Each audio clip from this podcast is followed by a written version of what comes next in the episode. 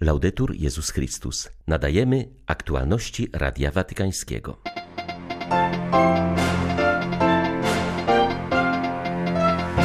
Papież wezwał naukowców z całego świata, by zjednoczyli wysiłki w celu rozbrojenia nauki i utworzenia siły na rzecz pokoju. Franciszek podkreślił, że historia się cofa, trwa totalna wojna światowa. Ojciec Święty wskazał na znaczenie katechezy. Nie może być ona jednak jak inne lekcje w szkole. Musi być żywym doświadczeniem wiary.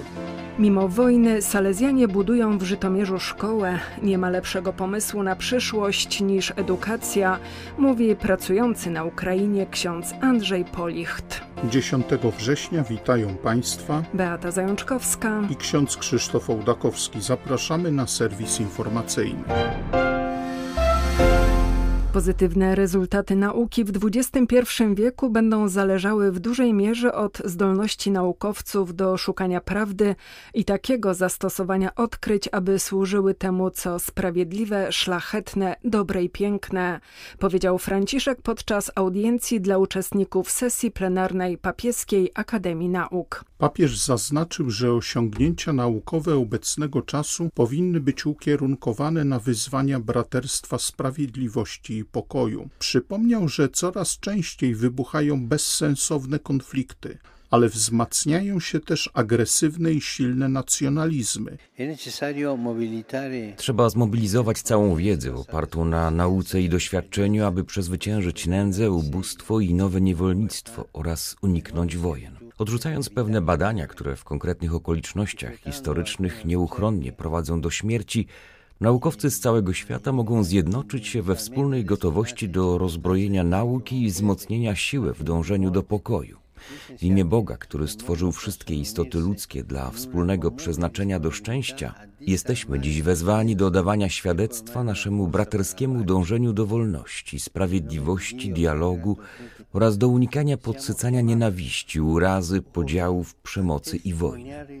W imię Boga, który dał nam planetę, abyśmy ją chronili i rozwijali, jesteśmy dziś wezwani do ekologicznego nawrócenia, aby zamiast zwiększać nierówności, wyzysk i zniszczenie, ocalić wspólny dom i nasze życie wraz z życiem przyszłych pokoleń.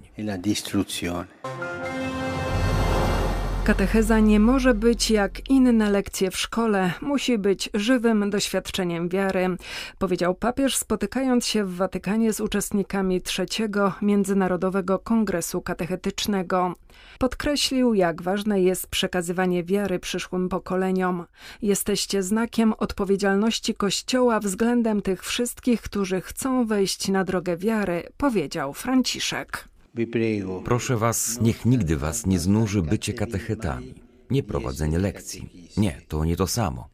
Katecheza nie może być podobna do innych lekcji w szkole, ale musi być żywym doświadczeniem wiary, którą każdy z nas pragnie przekazać nowym pokoleniom. Oczywiście musimy znaleźć jak najlepszy sposób na to, by przekaz wiary był dostosowany do wieku i przygotowania osób, które nas słuchają. Jednakże decydującą rolę odgrywa osobiste spotkanie z każdą z tych osób. Tylko osobiste spotkanie otwiera serce na przyjęcie pierwszego głoszenia wiary i pragnienie wzrastania w życiu chrześcijańskim. Nigdy nie zapominajcie, że celem katechezy, stanowiącej istotny etap ewangelizacji, jest doprowadzenie do spotkania z Jezusem Chrystusem, aby On w nas wzrastał. Ojciec Święty przesłał specjalne pozdrowienie do tworzącej się w Nowym Jorku wspólnoty łączącej młodych protestantów i katolików. Celem formującej się grupy jest przeżywanie razem w formie półmonastycznej i w duchu ekumenicznym chrześcijańskiej formacji, modlitwy i posługi ubogim oraz potrzebującym. Wspólnota na skrzyżowaniu powstaje przy episkopalnej katedrze świętego Jana. Ci, którzy widzieli pierwszą chrześcijańską wspólnotę, mówili: Spójrzcie, jak oni się nawzajem miłują. Zobaczcie, jak żyją razem w radości i posiadają wszystko wspólnie. Zobaczcie, jak się razem modlą, jak trwają w bliskości wobec ubogich. Mam nadzieję i modlę się, aby to stało się w Waszej wspólnocie. Wybór pokornej drogi życia wspólnotowego znaczy więcej niż tysiąc słów. Przyszłość wiary w naszym świecie wiedzie przez jedność chrześcijan, a miłość jest silniejsza niż wszystkie niezgodności, przynosi pokój, gdy pokój wydaje się niemożliwy. No parece posible. We Frankfurcie nad Menem dobiegła końca czwarta sesja plenarna drogi synodalnej. 230 delegowanych przegłosowało m.in. apel o możliwość kapłaństwa kobiet, rewizję katolickiej etyki seksualnej w kwestii osób homoseksualnych oraz apel o nowe prawo pracy dla osób zatrudnionych w strukturach kościelnych.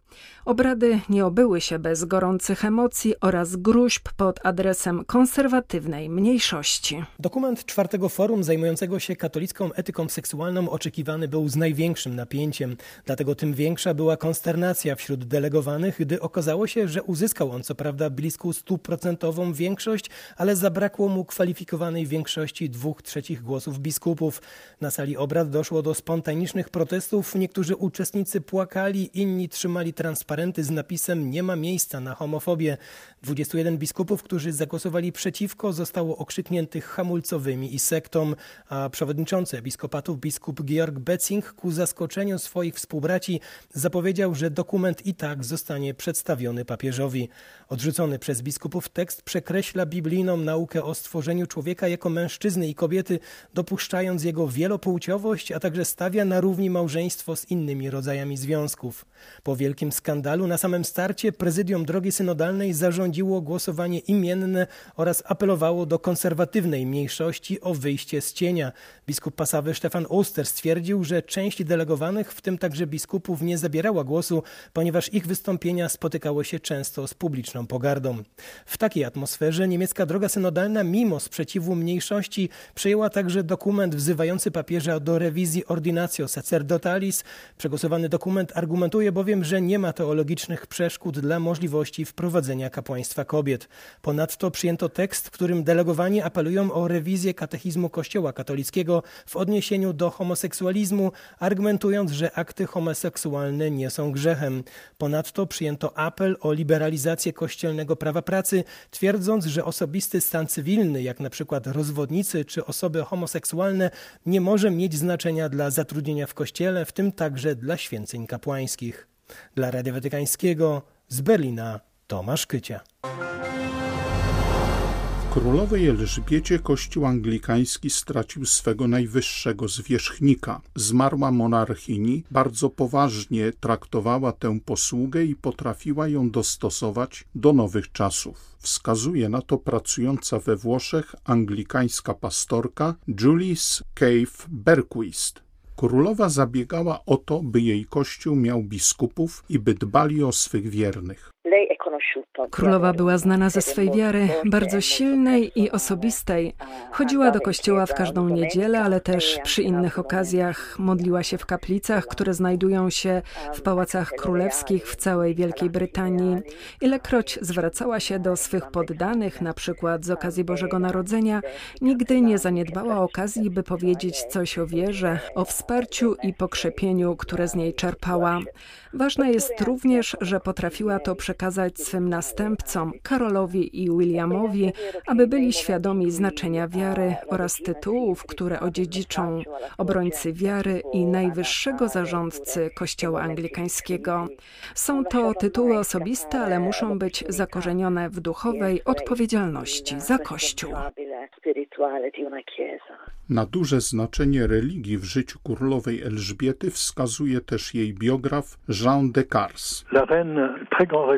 Królowa z wielkim szacunkiem podchodziła do religii, do sakrum. Na przykład poprosiła o filmowanie swej koronacji, ale z wyjątkiem sakralnej części obrzędu, kiedy przyjmowała namaszczenie.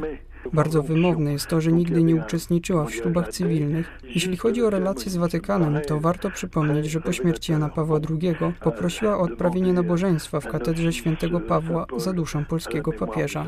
Kazała też przesunąć datę ślubu Karola i Kamili, aby zachować żałobę po jego śmierci i uszanować katolików.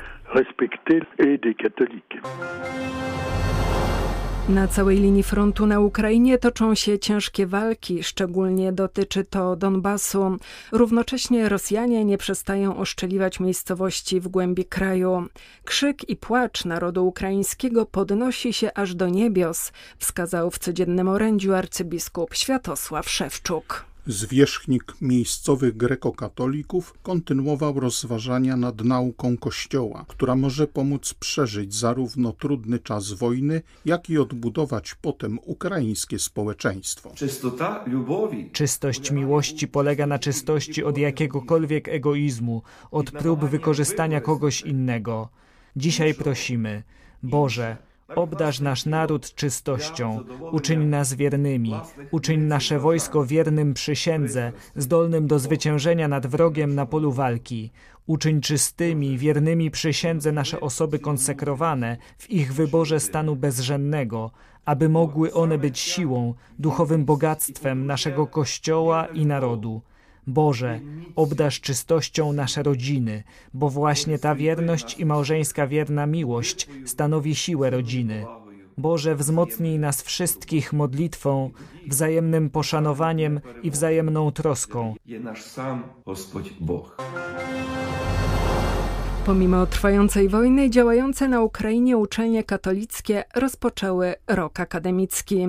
W działającym w Kijowie Wyższym Instytucie Nauk Religijnych świętego Tomasza Zakwinu wykład inauguracyjny poświęcony wolności wygłosił przybyły z Rzymu teolog domu papieskiego ojciec Wojciech Giertych. W Kijowskim Instytucie Nauk Teologicznych inauguracja roku akademickiego odbyła się już po raz 30.